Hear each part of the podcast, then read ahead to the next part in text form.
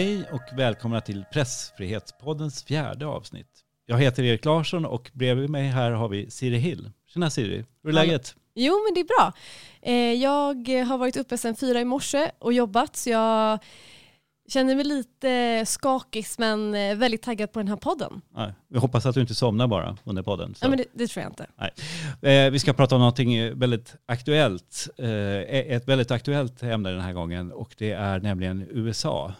vi sitter på Reporter utan gränsers kontor på Södermalm i Stockholm. Medan på andra sidan Atlanten så flockas världens utrikesreportrar nu för att skriva om USA-valet som är den 3 november. Och vi vill gärna veta lite mer. Så på länk har vi med oss Svenska Dagbladets USA-korre Malin Ekman. Hej Malin, var är du nu någonstans? Hallå där, jag är på Manhattan. Jag är hemma eh, och jag har inte varit eh, uppe sen fyra i morse. Jag är imponerad av, av Siri här, men jag var uppe sent för jag bevakade slutduellen i natt och debatten mellan Trump och eh, Biden. Så eh, också väldigt taggad på att, eh, att prata med er. Kan du inte berätta bara helt kort, vad var dina tankar kring debatten? Förra gången de möttes så blev det ju, alltså det, det var en famös debatt där de avbröt varandra 93 gånger. Jag tror Trump stod för strax över 70 av dem. Och det här var alltså, mycket mer civiliserat och mycket mer stringent. Det kändes som att man fick ut mycket mer som, uh, som tittare. Det var som att båda förstod vad som stod på spel. Att det här, uh, det här handlar både om landet uh, och deras egen framtid. Det tyckte jag märktes. Ja, jag tänkte kanske att vi kort skulle presentera dig lite mer innan vi fortsätter. Mm. Mm. Du är från Göteborg du har varit yeah. Svenska Dagbladets USA-korre sedan 2019. Men du har mm. också skrivit mycket om mediebranschen och varit ledamot i Publicistklubben. Mm. Nu är du i ett land som ligger på plats 45 av 180 i vår pressfrihetsindex. Det är lite bättre än förra, förra året, men det är ju inte jätteimponerande. Speciellt inte om man jämför med Sverige som ligger på fjärde plats i vårt index. Märks det på något sätt att USA rankas lägre? Nej, men tycker inte det. Alltså, man ska komma ihåg att jag är ju eh, korrespondent och inte amerikansk eh, journalist. Så det är, man kanske borde liksom jämföra med hur, hur, det är. Men det är klart att jag, liksom jämförelsen mellan Sverige och USA, alltså det, det är två helt olika medielandskap. Jag skulle snarare säga att, eh, att mångfalden märks här på ett annat sätt. Det finns så många fler medier och så mycket mer resurser. Jag skulle säga att att den där plats 45 känns lite sådär nästan lite vilseledande. Jag tror ändå att USA uppfattas som, som ett land fortfarande med väldigt stark eh, pressfrihet. Om man tittar på till exempel då eh, Snowden-avslöjandena här för, för ett antal år sedan så, så var det så att eh, när The Guardian då fick eh, stötte på patrull från den brittiska säkerhetstjänsten så valde man att, att förlägga rapporteringen till USA. Man hade kunnat välja liksom vilket land som helst men man valde just att, att fortsätta från USA. Så jag fortfarande det, att det säger någonting. Det är inte så att eh, man som journalist upplever att det är många gånger sämre än i, än i Sverige. Det som bekymrar mig i, eh, i USA är väl kanske snarare än, än rankingen just att jag tycker att jag tycker mig se att den tendentiösa journalistiken har accelererat de senaste åren. Det har varit väldigt tydligt sen, sen jag kom hit och liksom följt den amerikanska rapporteringen på en eh, liksom mycket, mer, mycket mer intensivt. Och jag tänker också på eh, canceling culture, eh, alltså att man, att man helt enkelt eh, eh fryser ut människor med avvikande uppfattningar eller som, som begått olika misstag och ibland inte särskilt stora misstag, eh, ibland större misstag. Eh, och det tror jag är en självcensur som jag oroar mig för här. Men och, om du, när du säger tendentiös ja. journalistik, kan du ta, mm. utveckla det lite mer så att vi förstår? Uh, jag, jag, jag, säger det för att jag precis har också lämnat en lång text på det här temat och jag tänker också att jag har stora beröringspunkter med, eh, med, med, Sverige och just den här liksom, gränsdragningen mellan journalistik och aktivism som ju varit en stor diskussion i, i många, många år men som då också har blivit eh, ännu mer aktuell, inte minst nu i, eh, nu spelar vi in det här eh, fredag och igår så läste jag då om att DN överlåter chefredaktörskapet till Greta Thunberg för en dag. Alltså det är en, en väldigt aktuell fråga. Jag tycker att om man tittar på, jag följer ju både konservativa och liberala medier här och man kan se liksom, alltså den svenska debatten så det är oerhört mycket fokus på, på högermedierna och de ska man absolut eh, ta på allvar. Men jag saknar liksom en diskussion av de medier som verkligen har ett extremt stort inflytande på den globala diskursen och som vi andra internationella medier tar efter, som till exempel New York Times som jag tycker eh, ofta är bias, som man säger här, i, i eh, allt från vinklar till hur man eh, rubriker i pushnotiser eh, till eh, um, rapportering från debatter och, och liksom allt som händer. Jag var ju då medieanalytiker och mediekolumnist på Svenskan innan jag fick det här jobbet och jag minns att i samband med förra valet så skrev jag en, en text som handlade om hur om medierna misslyckats att liksom förutspå eh, valresultatet. Man låg så, så fel, just mm. man var duktig på att skildra det politiska spelet men inte väljarna. Och, och det gjorde också att, att eh, valresultatet kom mer som en överraskning. Och, och det tycker jag att, då, då var liksom, där, till exempel New York Times är väldigt själv självkritiska för att vi måste bli bättre på att liksom förstå den vanliga amerikanen. Och det tycker jag inte att man har, att man har lyckats med särskilt väl.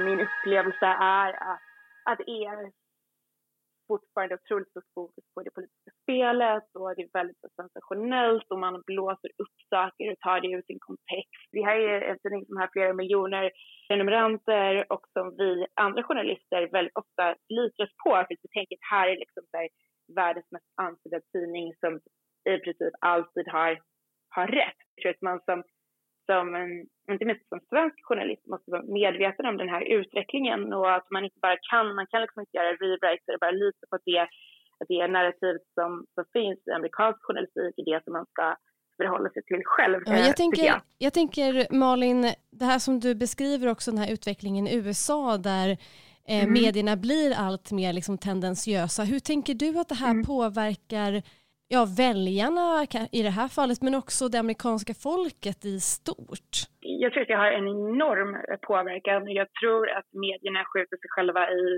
i foten. För det, alltså, det finns redan en...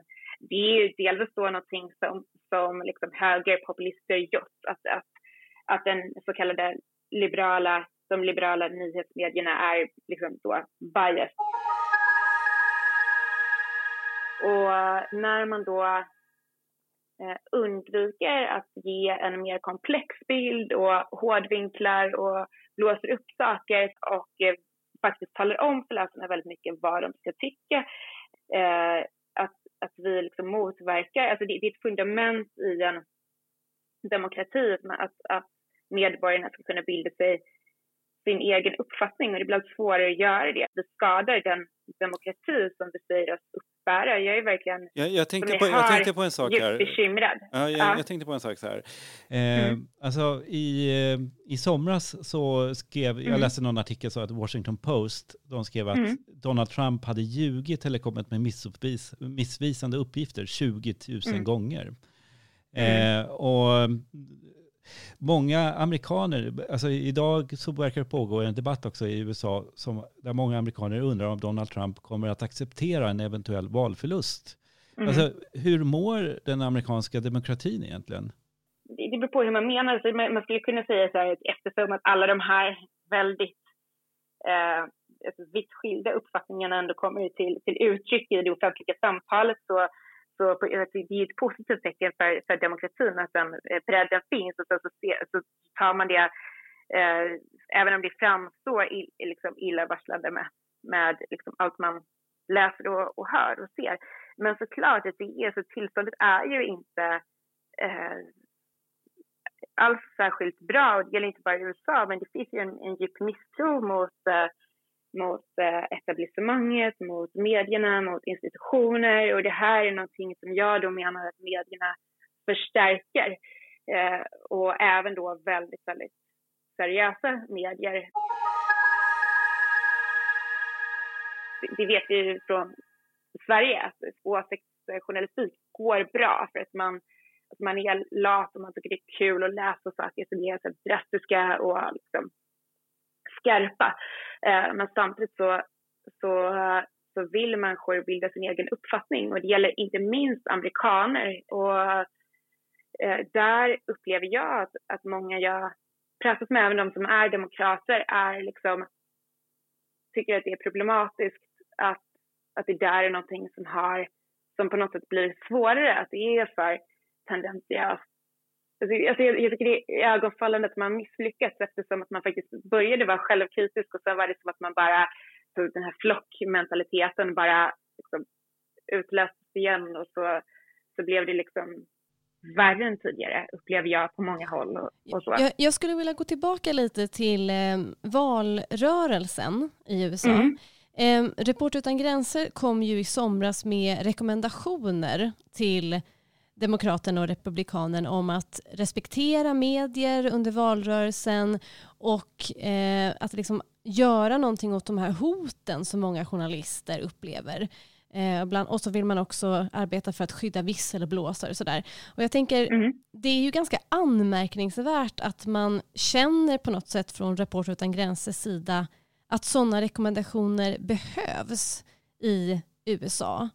Eh, där mm. journalister liksom också har avslöjat allvarliga missförhållanden och så vidare. Va, vad tänker du om den där dubbelheten i det? Nej, men jag tycker att det speglar just den eh den misstro som finns mot medier men också mot journalister och det djupt polariserade eh, medielandskap som vi, som vi lever i. Och eh, sen kan man säga att liksom, någonting, om det är någonting som har liksom fungerat eh, under Trump så är det ju liksom, att eh, läckorna har ju liksom varit otroligt, otroligt många. Så det, det, är, det är någonting som fortfarande verkar fungera uppenbarligen. Eh, men sen så är det ju, eh, det är klart att det är djupt allvarligt. Alltså de här frågorna är ofta abstrakta. Man pratar om dem så, så känns det ofta abstrakt men nu tycker jag att det inte längre gör det. Nu känns det mycket mer, mycket mer konkret och det känns som att det har gått så snabbt också att man också förstår kraften i den här utvecklingen. Mm.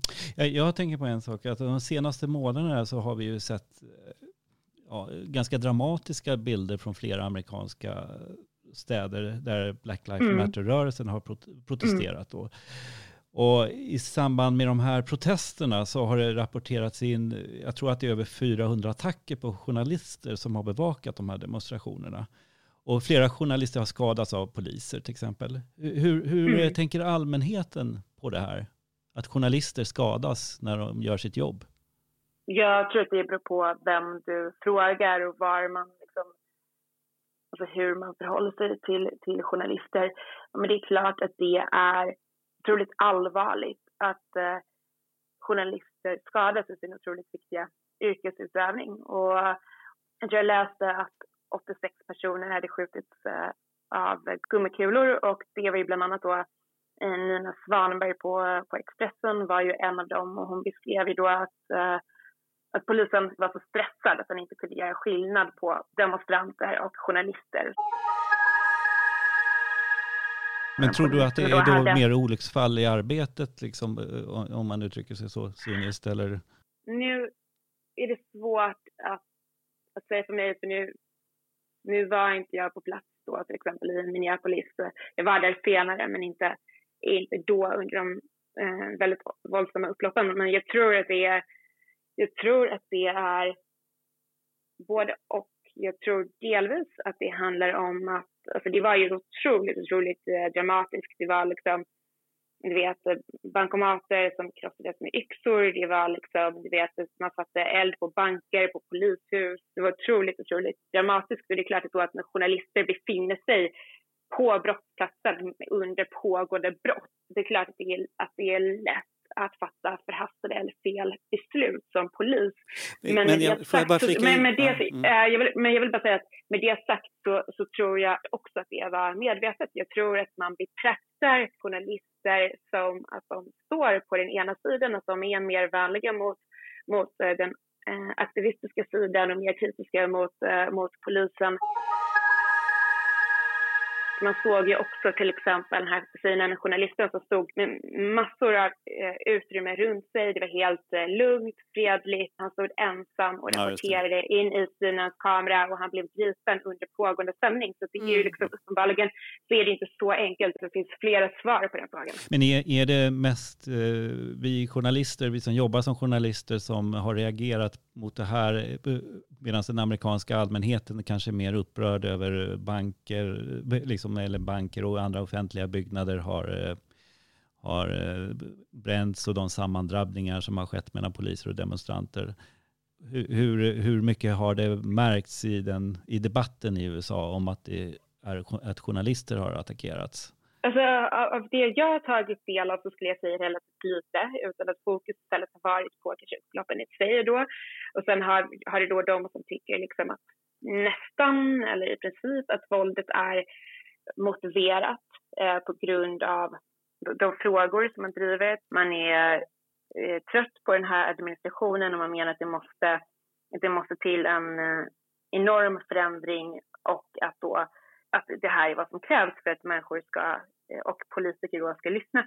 Men det finns också väldigt många, och det här gäller både republikaner och eh, demokrater som jag har pratat med gäller både folk på landsbygden och i, i storstäder. Och det är någonting som just det här när folk känner att de inte känner igen sin, sin egen stad eller börjar uppleva att de känner sig otrygga, att det är någonting som jag fått höra från flera politiska håll. Det är någonting som har präglat diskussionen mer, liksom snarare än så här, att det var journalister som råkade illa ut. Eh, jag tänker på en sak. Ehm, du, mm. vi, vi, pratade tidigare under samtalet om det här med att det råder skillnader mellan hur det är för dig som journalist att rapportera där och amerikanska journalister. Kan du inte berätta lite hur det har mm. varit för dig att rapportera under den amerikanska valrörelsen till exempel? Jag menar ju kanske framförallt att jag, jag kan ju betala för mig själv som svensk journalist. Det är klart att det är liksom att sitta så här, som, som korrespondent och jobba här, eh, som jag gör hemifrån och du, du är inte del av en så här, eh, nyhetsorganisation och den diskussion som pågår där. Så det är svårt för mig att, att veta exakt hur, hur det är. Det. Eh, även om jag då känner amerikanska journalister och pratar med dem. Jag upplever att det, alltså, det, det anses ju prestigefyllt att vara korrespondenter ur en svensk kontext. Liksom. Det, är så här, det, det, är en, en fin position. Eh, och det är det ju verkligen, men när man är här så är det ju, det är ju längst ner i, i hierarkin eftersom att du inte representerar några amerikanska väljare eller läsare så är det ju, det är arbetet mycket, mycket hårdare för allt du gör. Det är som att varje, varje besvarat eh, mejl eller varje intervju är liksom en liten seger i sig. Så det är mer, det är mer trögjobbat i alla fall när det gäller kontakten då med politiken. Däremot är det en helt annan sak när man är ute på, på fältet amerikaner är ju väldigt öppna och, och lätta att få, få liksom tillgång till. Eh, det är inte bara det att de ställer upp utan de är också väldigt öppna eh, och transparenta med vad de, vad de tycker. Mm. Eh, vad tycker du har präglat den här valrörelsen då? Ja, men det är ju corona, coronapandemin. Alltså det är ju, om man säger att valrörelsen på riktigt drog igång där i med primärvalen som jag då, där reste jag runt mycket och var på plats på i de här gymnastiksalarna och allt vad det var där kandidaterna höll sina, träffade, träffade väljare och höll kampanjmöten och då upplevde jag att det var ett extremt hektiskt eh, tempo. Sen kom eh, pandemin och det var som att den la liksom ett, ett lock på allting. Jag menar, Biden satt i en källare. Alltså det var många, många journalister, internationella journalister som kallade ett hem det blev liksom, att såklart var det mycket som hände, men det blev ändå ett, ett lugnare tempo skulle jag säga. Och jag tror det har präglat väldigt mycket. Det är, så där, det är många som är såhär, ah, just det, nu är det debatt, men det är som att man känner inte av det på samma sätt eftersom att man lever mycket mer isolerat och socialt distanserat. Pandemin har ju, den är mycket, mycket mer påtaglig här. Den är mycket, mycket mer en del av din vardag, särskilt då eh, eller inte minst här i, i New York. Så det är ju precis alltså, nu håller ju allting på att öppna upp så småningom, men uh, i ett helt annat uh, liv, både som journalist och privatperson. Det är många som har varit intervjupersoner som har varit rädda för att träffas live och, och sådär. Så det, och sen så kom ju alla de här, men hela Black Lives Matter-rörelsen som ju verkligen präglat det här året jättemycket också. Och, mm. Uh, mm. Jag tänkte fråga, jag, jag, är väldigt intresserad av eh, någonting som jag läste nu i dagarna, nämligen att eh, mm. amerikaner med latinamerikansk bakgrund kan komma att spela en ganska avgörande roll i ja, viktiga stater. Kan du inte berätta lite om det? Men det är roligt att du, eh, att du frågar om just det, för jag kommer precis hem från, precis kommit hem från eh, Florida och Miami. Och då träffade jag framförallt ja, latinamerikaner och inte minst kubaner i Little Havana som är då en eh, latinamerikansk del av, eh, av Miami. Eh, och eh, det är ju det är superintressant. Till exempel så var det, så var det då när, när Bush vann där med 537 röster var det väl, år 2000 så var det så sa man att det var latinamerikanerna som, som avgjorde, framförallt och kubanerna som det var för att, inte minst för att det var en en, eh, en pojke som flytt från Kuba eh, med sin, eh, sin mamma som drunknade och sen ville då Clinton-administrationen eh, skicka tillbaka honom och det mötte då kritik från Bush och Republikanerna och det gjorde då att, alltså det anser man är någonting som gjorde att, att, eh, att det tippade över då till Bush fördel. Man säger att eh, puertoricanerna är de som är mest liberala och kubanerna de som är mest konservativa. Eh, Trump har en jättestor här Latinos for Trump-rörelse som är superaktiv, inte minst i Florida där jag var. Eh, nu fokuserade jag mest på de som, eller jag fokuserade på de som är för Trump och det finns så många som är, som är demokrater om vi ser gruppen till helhet. Alltså eh, mexikaner, kubaner och, och um, puertoricaner så är det så är fler som röstar demokratiskt medan då kubanerna är mer konservativa. Men då, det är ju fler jag mötte som sa så här, typ att Demokraterna står för kommunism. För att allt, som, om, du, om du kommer från, från Kuba så är liksom allting som påminner om, om socialism liksom, djupt skrämmande. Så det var till exempel så pratade jag med en som var så här, ja, um, vi flydde, vi flydde från eh, Kuba på grund av eh, Castro. Vad ska vi göra om, eh, vad ska vi fly om Demokraterna kommer till makten? Då kanske vi får fly till Schweiz. Och som sa att Demokraterna vill göra samma sak som, som Castro. De vill ta ifrån oss våra, våra vapen. Och det vill han också, men vi måste kunna skydda oss. Och så så det, det är liksom, jag ska säga, onyanserad, eller väldigt onyanserad bild. Okej, eh, jag vill tacka för att du kunde vara med i vår podd. Men eh, jag undrar vad blir nästa jobb du ska göra? Vad ska du bevaka härnäst? Ni har precis eh, skrivit ut de här jobben från, eh, från Florida. Så eh, jag håller just nu på att försöka bestämma mig vad jag ska vara på, på valnatten. Så det är faktiskt ännu inte, inte bestämt. Vilka platser, vilka platser står det mellan då? Um, antingen så blir det någonstans här på, på östkusten eller så blir det kanske Arizona eller Texas. Du kanske inte ska avslöja för mycket för dina konkurrenter här. Nej, exakt. Nej, precis. Det var det jag tänkte lite grann. Men, uh, nu kom det. Där kom det ändå. ja, lite grann. Exakt. okay. ja. Ja, eh, men eh, med de orden så vill vi önska Malin Ekman lycka till och eh, så vill vi tacka er lyssnare som har hört det här och eh, ni hittar oss där poddar finns. Hej då! Hej då!